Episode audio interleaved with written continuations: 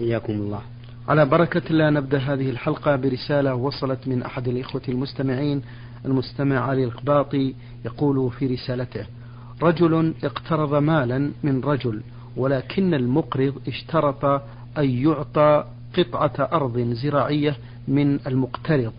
رهن بالمبلغ يقوم بزراعتها وأخذ غلتها كاملة أو نصفها والنصف الآخر لصاحب الأرض. حتى يرجع المدين المال كاملا كما أخذه فيرجع له الدائن الأرض التي كانت تحت يده. ما حكم الشرع في نظركم الشيخ محمد في مثل هذا القرض المشروط؟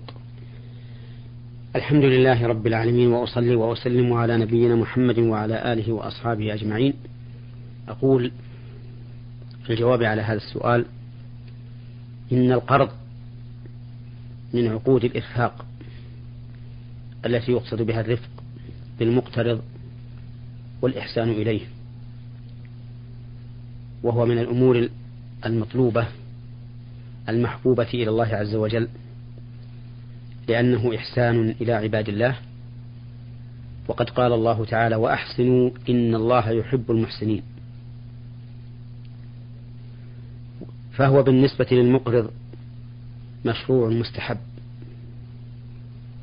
وبالنسبة للمقترض جائز مباح.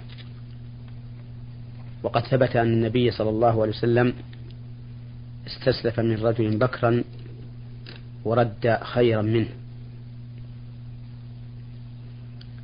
وإذا كان هذا العقد يعني القرض من عقود الإرفاق والإحسان فإنه لا يجوز أن يحول إلى عقد معاوضة وربح.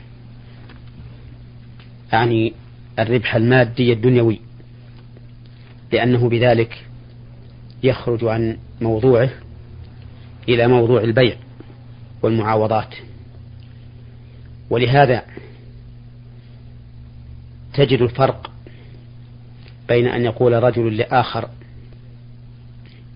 بعتك هذا الدينار بدينار آخر إلى سنة أو بعتك هذا الدينار بدينار آخر ثم يتفرقا قبل قبل القبض فإنه في الصورتين يكون البيع حراما وربا. لكن لو أقرضه دينارا قرضا وأوفاه بعد شهر أو سنة كان ذلك جائزا. مع أن المقرض لم يأخذ العوض إلا بعد سنة أو أقل أو أكثر نظرا لتغليب جانب الإرفاق. وبناء على ذلك وبناء على ذلك فإن المقرض إذا اشترط على المقترض نفعا ماديا فقد خرج بالقرض عن موضوعه الأصلي وهو الإرفاق فيكون حراما.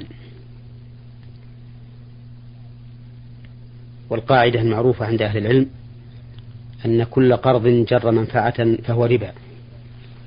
وعلى هذا فلا يجوز للمقرض أن يشترط على المقترض أن يمنحه أرضه ليزرعه ليزرعها حتى ولو أعطى المقترض سهما من الزرع. لأن ذلك جر منفعة إلى المقرض يخرج القرض عن موضوعه الأصلي وهو الإرفاق والإحسان. نعم. بارك الله فيكم. أه رسالة وصلت من أحد الإخوة المستمعين المستمع هنا لم يذكر اسمه. يقول أه قول بعض المصلين في التحيات اللهم صل على سيدنا محمد وعلى آل أه سيدنا محمد كما صليت على إبراهيم وعلى آل إبراهيم. فما رأيكم أه شيخ محمد بقولنا سيدنا؟ لا يرتاب عاقل أن محمدا صلى الله عليه وسلم سيد ولد آدم. فإن كل عاقل مؤمن يؤمن بذلك وأن النبي صلى الله عليه وسلم سيد البشر. والسيد هو ذو الشرف والطاعة والإمرة وطاعة النبي صلى الله عليه وسلم من طاعة الله سبحانه وتعالى. من يطع الرسول فقد أطاع الله. ونحن وغيرنا من المؤمنين لا نشك أن نبينا صلى الله عليه وسلم سيدنا وخيرنا وأفضلنا عند الله سبحانه وتعالى. اللهم صل وسلم عليه. وأنه المطاع فيما يأمر به. صلوات الله وسلامه عليه. ومن مقتضى اعتقادي أنه السيد المطاع عليه الصلاة والسلام من مقتضى ذلك أن لا نتجاوز ما شرع, ما شرع لنا من قول أو فعل أو عقيدة. ومما شرعه لنا في كيفية الصلاة عليه في التشهد أن نقول اللهم صل على محمد وعلى آل محمد كما صليت على إبراهيم وعلى آل إبراهيم إنك حميد مجيد. أو نحوها من الصفات الواردة في كيفية الصلاة عليه صلى الله عليه وسلم. ولا أعلم أن صفة وردت بالصيغة التي ذكرها السائل وهو اللهم صل على سيدنا محمد وعلى آل سيدنا محمد. وإذا لم ترد هذه الصيغة عن النبي عليه الصلاة والسلام فإن الأفضل ألا نصلي على النبي صلى الله عليه وسلم بها وإنما نصلي عليه بالصيغة وإنما نصلي عليه بالصيغة التي علمنا إياها. وإنني بهذه المناسبة أود أن أنبه إلى أن كل إنسان يؤمن بأن محمدا صلى الله عليه وسلم سيدنا فإن مقتضى هذا الإيمان أن لا يتجاوز الإنسان ما شرعه وأن لا ينقص عنه فلا يبتدع في دين الله ما ليس منه ولا ينقص عن دين الله ما هو منه. فإن هذا هو حقيقة السيادة التي من حق النبي صلى الله عليه وسلم علينا. وعلى هذا فإن أولئك المبتدعين لأذكار أو صلوات على النبي صلى الله عليه وسلم لم يأتي بها شرع الله على لسان رسوله محمد صلى الله عليه وسلم تنافي دعوى أن هذا الذي ابتدع يعتقد أن محمدا صلى الله عليه وسلم سيد لأن مقتضى هذه العقيدة أن لا يتجاوز ما شرع وأن لا ينقص منه. فليتأمل الإنسان وليتدبر ما يعنيه بقوله حتى يتضح له الأمر ويعرف أنه تابع لا مشرع. نعم. بارك الله فيكم. مستمعة من حائل تقول في رسالتها أسأل فضيلة الشيخ محمد عن امرأة تقول كنت في الرابعة. المستمعة تقول بأنها امرأة كانت في الرابعة عشر من العمر وقد أتتها الدورة الشهرية ولم تصم شهر رمضان في تلك السنة. علما أن هذا العمل ناتج تقول عن جهلي وجهل أهلي حيث أننا كنا منعزلين عن أهل العلم ولا علم لنا بذلك. تقول وقد صمت في الخامسة عشر وكذلك فقد سمعت من بعض المفتين أن المرأة إذا وافتها الدورة الشهرية فإنه يلزم عليها الصيام ولو كانت في أقل من سن البلوغ. نرجو بهذا إفادة. بارك الله فيكم. هذه السائلة التي ذكرت عن نفسها عن نفسها أنها فتاة الحيض وهي في الرابعة عشرة من عمرها ولم تعلم أن البلوغ يحصل بذلك ليس عليها إثم حين تركت الصيام في تلك السنة لأنها جاهلة والجاهل لا إثم عليه. لكن لكن حين علمت أن الصيام واجب عليها فإنه يجب عليها أن تبادر بقضاء ذلك الشهر الذي أتاها بعد أن حاضت فإن المرأة إذا بلغت وجب عليه الصوم. وبلوغ المرأة يحصل بواحد من أمور أربعة. إما أن يتم لها خمس عشرة سنة وإما أن تنبت عنتها وإما أن تنزل وإما أن تحيض. فإذا حصل واحد من هذه الأربع الأربعة فقد بلغت وكلفت ووجبت عليها العبادات كما تجب على الكبير. فأقول لها إنه يجب عليها الآن إذا لم تكن قد صامت الشهر الذي صادفها وهي حائض أقول إنه, إنه يجب عليها الآن أن تصومه ولتبادر به. حتى يزول عنها الإثم نعم. آه هذه رسالة وصلت من المستمع عين عين ألف مصر الجنسية يعمل بالعراق يقول آه بأنه كان يشتغل سائق ويقول ولكنني أفطرت بعض الأيام من شهر رمضان وذلك بحكم شغلي الشاق والحر الشديد حيث أنني في بعض الأيام آه، كنت أسافر بالسيارة حوالي 300 كيلومتر. هل يجوز لي أن أقضي هذه الأيام؟ وإذا كان كذلك ما حكم الشرع في نظركم في عملي هذا؟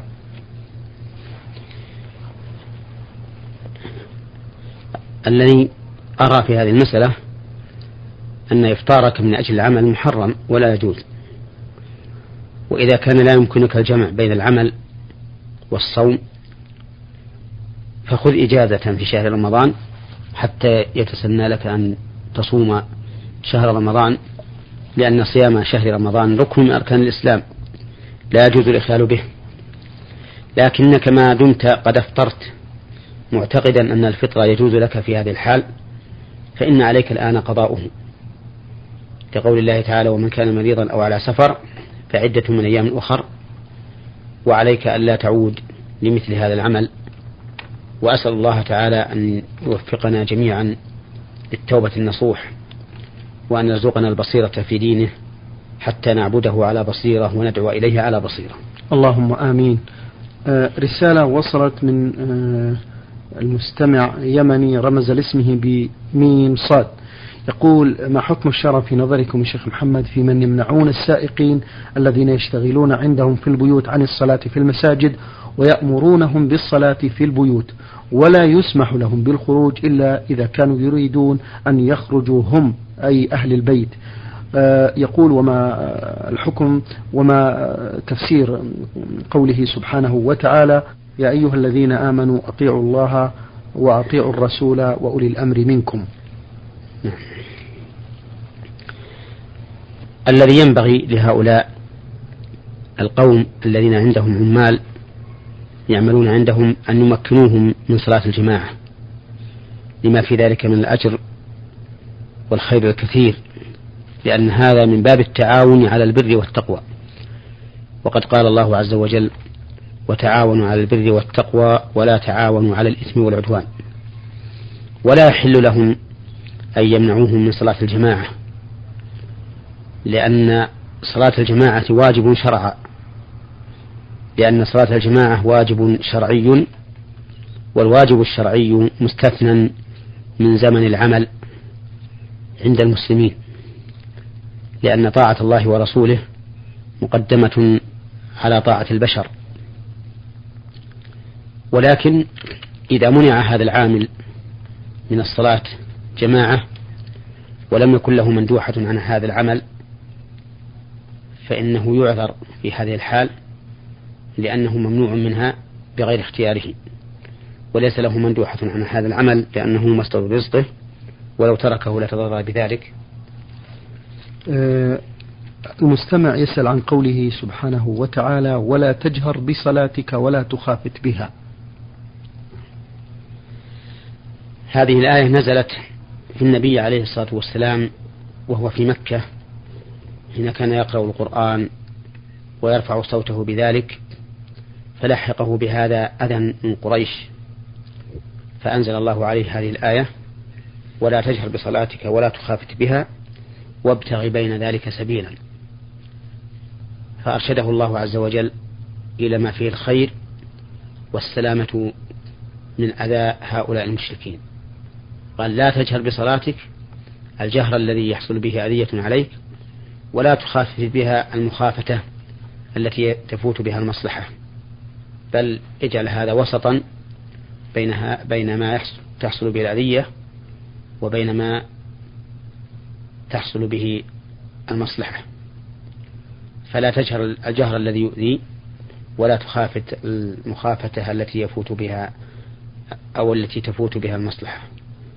نعم رسالة وصلت من المستمع الذي رمز لاسمه بفاء هاء ألف جمهورية اليمن الديمقراطية يقول في رسالته آه، قرأت حديثا عن الرسول الكريم صلى الله عليه وسلم وأريد آه، شرحه عن أبي هريرة رضي الله عنه قال قال رسول الله صلى الله عليه وسلم استوصوا بالنساء خيرا فإن المرأة خلقت ضلع أعوج نعم. نعم. وإن أعوج ما في الضلع أعلاه فإن ذهبت تقيمه كسرته وإن تركته لم يزل أعوج فاستوصوا بالنساء. نعم. في هذا الحديث يأمر النبي عليه الصلاة والسلام أن نستوصي بالنساء خيرا وذلك بالرفق بهن ومراعاة أحوالهن. ويبين صلى الله عليه وسلم أنهن خلقن من ضلع وذلك بخلق حواء فإنها خلقت من ضلع. آدم وحواء هي أم النساء وأم الرجال أيضا. فهي أم بني آدم. فالمرأة خلقت من هذا الضلع. ويبين الرسول عليه الصلاة والسلام أن أعوج شيء في الضلع أعلاه وأنك إذا ذهبت تقيمه يعني تعدله حتى يستقيم كسرته. وإن استمتعت به استمتعت به على عوج. والمرأة كذلك. إن استمتعت بها استمتعت بها على عوج وعلى نقص وتقصير وإن ذهبت تقيمها كسرتها وكسرها طلاقها. وعلى هذا فالذي ينبغي الإنسان أن يراعي حال المرأة وأن يعاملها بما تقتضيه طبيعتها.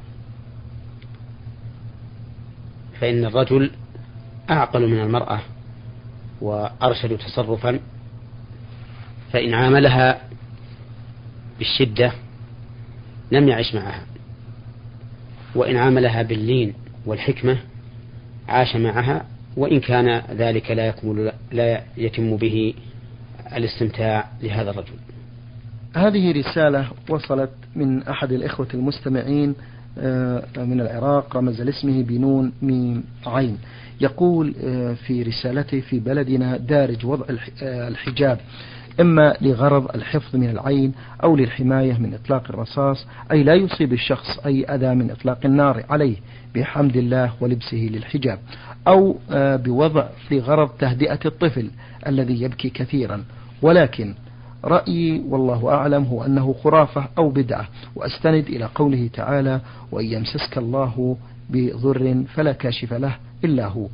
ولكن في بعض الأحيان في بعض الناس يقولون إن الحجاب الذي يحتوي على آيات من القرآن أو أدعية من أدعية الرسول الكريم صلى الله عليه وسلم عبارة عن رقية مكتوبة لأن الرقية هي تؤدي آه، إلى شفائها. فما رأي الشرع وما رأي آه، الشرع في نظركم في هذه المسألة؟ آه، يريد السائل بالحجاب التميمة التي تعلق على الإنسان في عنقه أو يجعلها في جيبه أو يجعلها تحت وسادته إذا نام. وهذه التمائم تكون على وجهين. الوجه الأول أن يكتب فيها ما لا يعلم ولا يدرى. معناه فهذه لا تحل ولا تجوز لأنه لا يدرى ما الذي تجتمع عليه؟ أهو شرك أم أسمى للشياطين أو لمردة الجن أو ما أشبه ذلك من الأشياء المحرمة؟ فهذه لا تجوز قطعا. وأما الوجه الثاني فهو التمائم التي يكتب فيها, يكتب فيها شيء من القرآن على وجه واضح بين يقرأ. أو شيء من من الأدعية الواردة عن النبي صلى الله عليه وسلم. وهذه فيها خلاف بين العلماء فمنهم من أجازها ومنهم من منعها. والصواب مع من منعها وأنها لا تجوز لأن الاستشفاء بالقرآن إنما يجوز على الوجه الوارد عن النبي صلى الله عليه وسلم. وذلك بقراءته على المريض مباشرة. وبعض السلف يجوز أن يكتب القرآن في إناء بزعفران أو نحوه ويصب عليه الماء ويحرك حتى يصطبغ الماء بهذا اللون المكتوب به القرآن ثم يشرب.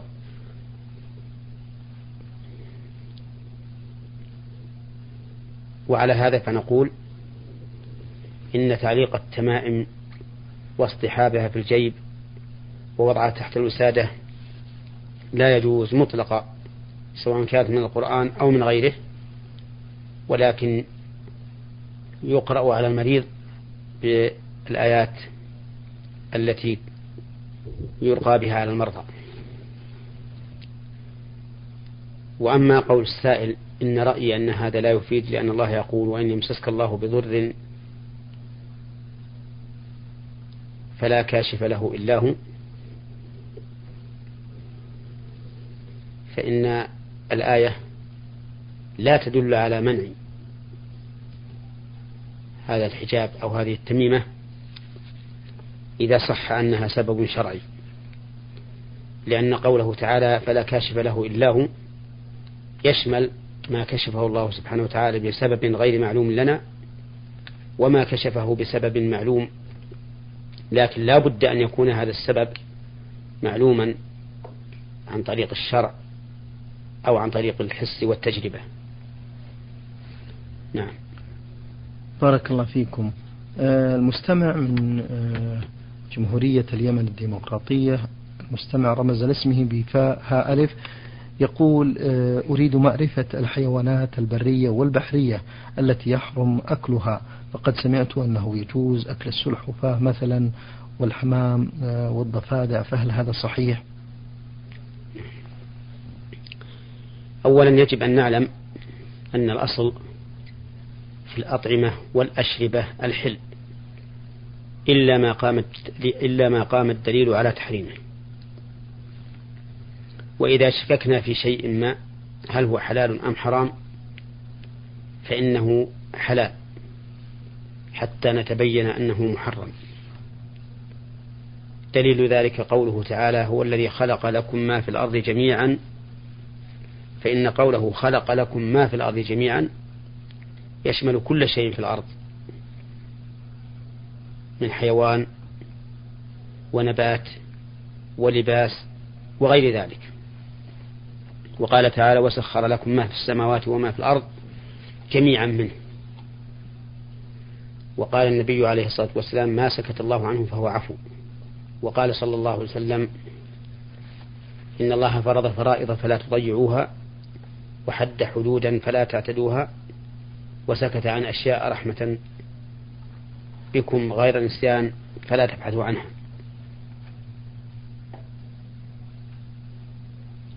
وعلى هذا فالأصل في جميع الحيوانات الحل حتى يقوم دليل التحريم. فمن الأشياء المحرمة الحمر الإنسية. لحديث أنس بن مالك رضي الله عنه قال أمر النبي صلى الله عليه وسلم أبا طلحة يوم خيبر أن ينادي إن الله ورسوله ينهيانكم عن لحوم الحمر الأهلية فإنها رجس ومن ذلك كل ما له ناب من السباع يفترس به كالذئب والأسد والفيل ونحوه. ومن ذلك أيضا كل ما له مخلب من الطير يصيد به كالعقاب والبازي والصقر والشاهين والحدأة وما أشبه ذلك. لأن النبي صلى الله عليه وسلم نهى عن كل ذي ناب من السباع وكل ذي مخلب من الطير. ومن ذلك أيضا ما أمر الشرع بقتله أو نهى عن قتله. أما ما أمر الشرع بقتله فلا يؤكل لأن لأن ما أمر الشارع بقتله مؤذن بطبيعته. فإذا تغذى به الإنسان فقد يكتسب من طبيعة لحمه ما فيه من الأذى فيكون ميالا إلى أذية الناس. وأما ما نهى الشارع عن قتله فلأجل احترامه حيث نهى الشارع نهى الشارع عن قتله. فمما نهى عن قتله الغراب والحدأة ومما نهى عن قتله النملة والنحلة والهدهد والسرد. ومن ذلك أيضا ما تولد من مأكول وغيره كالبغل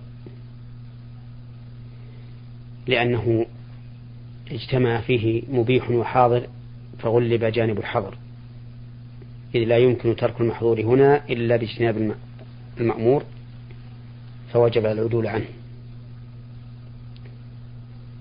ومن ذلك أيضا ما يأكل الجيف كالنسر والرخم وما أشبه ذلك. هذه سبعة أنواع مما ورد الشرع بتحريمه.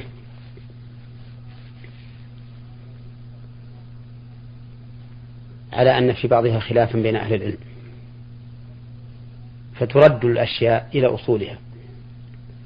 ويقال الأصل في الطيور والحيوانات الأخرى. الأصل فيها الحل حتى يقوم الدليل على التحريم. نعم. بارك الله فيكم. نختم هذه الحلقة بسؤال يقول فيه المستمع. هل يبطل الجرح الصوم؟ فإذا صمت وجرحت وخرج الدم هل يبطل صومي؟ كذلك الاحتلام هل يبطل الصوم؟ نرجو بهذا إفادة. لا يبطل الصوم بخروج, الدم من الجرح ونحوه ولو كثر لأنه بغير اختيار الصائم. وكذلك لا يبطل الصوم بنزول المني بالاحتلام لأنه بغير اختيار الصائم. والصوم لا يفسد إلا إذا تناول الصائم المفطرات عالما ذاكرا قاصدا. فأما إن كان جاهلا فصومه لا يفسد وكذلك لو كان ناسيا وكذلك لو كان غير قاصد للفعل. مثال الجهل أن يأكل ويشرب يظن أن الفجر لم يطلع ثم يتبين أنه قد طلع فصومه صحيح. ومثال النسيان أن يأكل ويشرب في أثناء النهار ناسيا أنه صائم فصومه صحيح أيضا. ومثال غير القاصد أن يحتلم فينزل منه المني أو يكره على الإفطار بأكل أو شرب فلا يفطر بذلك. نعم. في نهاية هذا اللقاء نشكر الشيخ محمد بن صالح بن عثيمين الأستاذ بكلية الشريعة بالقصيم وخطيب الجامع بمدينة عنيزة والذي أجاب على أسئلتكم لحلقة هذا اليوم. شكرا لكم أنتم إخوتنا المستمعين الكرام على حسن المتابعة ونتمنى أن نلتقي في الغد ونحن وإياكم بخير وعافية بإذنه تعالى. نترككم الآن في رعاية الله وعنايته والسلام الله عليكم ورحمته وبركاته. نور على الدرب. برنامج يومي يجيب فيه أصحاب الفضيلة العلماء على أسئلة المستمعين. البرنامج من إعداد وتقديم عبد الكريم صالح المقرن تنفيذ عبد الله عبد الرحمن الحضيبي.